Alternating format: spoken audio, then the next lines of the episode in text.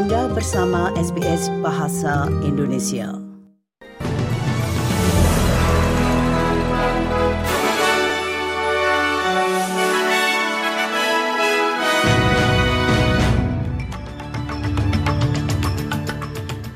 Warta berita SBS Audio untuk hari Rabu tanggal 22 November.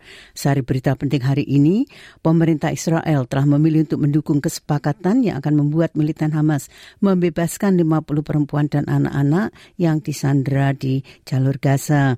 Premier New South Wales, pemerintah federal mengumumkan perbaikan keamanan siber senilai 600 juta dolar setelah serangkaian serangan.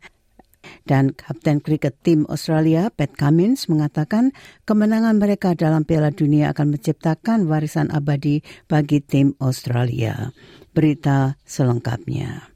Pemerintah Israel telah memilih untuk mendukung kesepakatan yang akan membuat militan Hamas membebaskan 50 perempuan dan anak-anak yang disandera di Gaza dengan imbalan jeda pertempuran selama empat hari. Pernyataan pemerintah juga mengatakan pembebasan setiap 10 sandera tambahan akan mengakibatkan perpanjangan kejahatan senjata satu hari. Belum jelas kapan kejahatan senjata akan mulai berlaku, namun New York Times melaporkan bahwa kejahatan senjata tidak akan dapat dimulai setidaknya sampai hari Kamis agar hakim Israel memiliki waktu untuk meninjau potensi tantangan hukum. Sementara itu, Perdana Menteri Albanisi dan pemimpin oposisi mengecam meningkatnya antisemitisme pada pembukaan Museum Holocaust di Melbourne hari ini. Museum itu didedikasikan untuk mengenang 6 juta orang Yahudi yang dibunuh oleh Nazi dan kolaborator mereka antara tahun 1933 dan 1945 dan bertujuan untuk memerangi antisemitisme dan rasisme serta menumbuhkan pemahaman masyarakat. Dalam pidatonya, Perdana Menteri merujuk pada konflik antara Israel dan Hamas dan mengatakan hal itu telah menyebabkan peningkatan antisemitisme di Australia. My government is acting to make it clear there is no place in Australia for symbols that glorify the horrors of the Holocaust. And there is no place for those who seek to profit from the trade in these evil symbols. Pemerintah federal telah mengumumkan perbaikan keamanan siber senilai 600 juta dolar setelah serangkaian serangan. Australia akan melibatkan pemeriksaan kesehatan siber untuk usaha kecil, meningkatkan pendanaan penegakan hukum siber, dan memperkenalkan pelaporan wajib terhadap serangan ransomware. Direktur Pusat Desain Kebijakan Teknologi di Universitas Nasional Australia, Profesor Johanna Weaver, menyambut baik strategi ini dengan mengatakan bahwa strategi ini komprehensif dan menawarkan dukungan yang sangat dibutuhkan untuk usaha kecil. It's very interesting. The government was talking a lot about whether or not they would actually ban ransomware payments, and they've opted not to do that. And I think that's the right move um, because otherwise you're blaming the victim. We don't do that for any other crime. Uh, we shouldn't be doing it for cybercrime. Telah mengumumkan rencana untuk merombak keamanan online untuk mengatasi masalah-masalah yang muncul termasuk iklan perjudian, kecerdasan buatan, kencan online, dan pelecehan rasial yang ditargetkan. Dalam pidatonya yang luas di National Press Club hari ini, Menteri Komunikasi Michelle Rowland mengumumkan peninjauan Undang-Undang Keamanan Online saat ini yang akan dipimpin oleh mantan komisaris ACCC atau ACCC Delia Ricard dan melibatkan konsultasi publik. By sheer size, market dominance and influence, these platforms are also the site of a huge information asymmetry and power imbalance. Many platforms have taken on some responsibility. Pemerintah federal telah mempertimbangkan penerapan tindakan lebih lanjut terhadap orang-orang yang dibebaskan dari tahanan migrasi. Di antara tahanan yang baru dibebaskan tersebut, terdapat sejumlah penjahat termasuk pembunuh dan pelaku kejahatan seksual.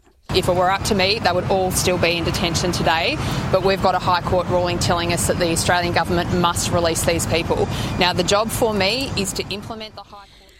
Tim penyelamat di India telah merilis video 41 pekerja konstruksi yang terjebak di terowongan yang runtuh di utara negara itu sejak tanggal 12 November. Pihak yang berwenang mengatakan mereka menerima makanan dan oksigen melalui pipa dan pelatih yoga agar tetap sehat, sementara tim penyelamat menyusun rencana untuk mengebor puing-puing secara horizontal untuk menciptakan jalan keluar. We're doing a lot of work at the moment to make sure what we do is safe and making sure that the people doing the evacuation are safe. And uh, I've just been down in the tunnel, enormous amount of work's been done there in preparation. And we're just coming up here on top of the mountain to consider other options as well. But the work I've seen, I only arrived.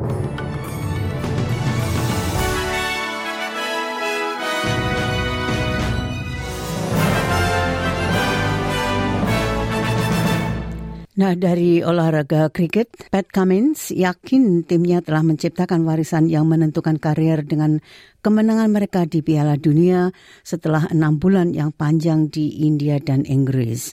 Cummins dan pemain Australia lainnya mulai mendarat kembali di Australia pada hari Rabu 22 November pagi setelah berhari-hari melakukan perayaan di India.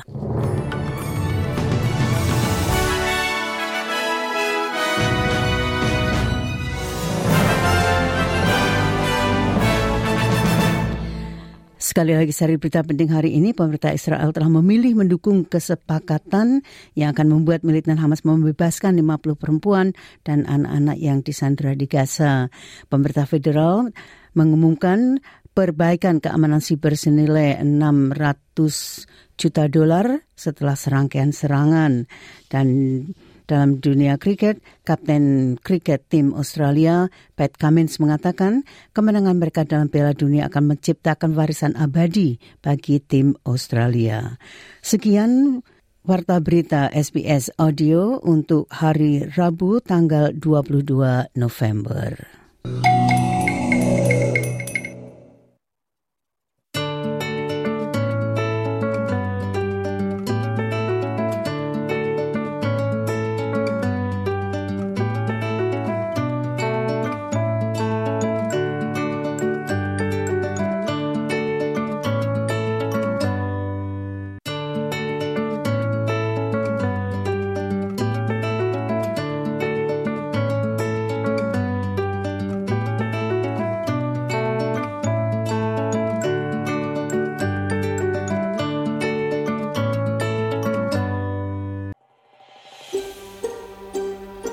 Sukai, berbagi, komentar. Ikuti SBS program Bahasa Indonesia di Facebook.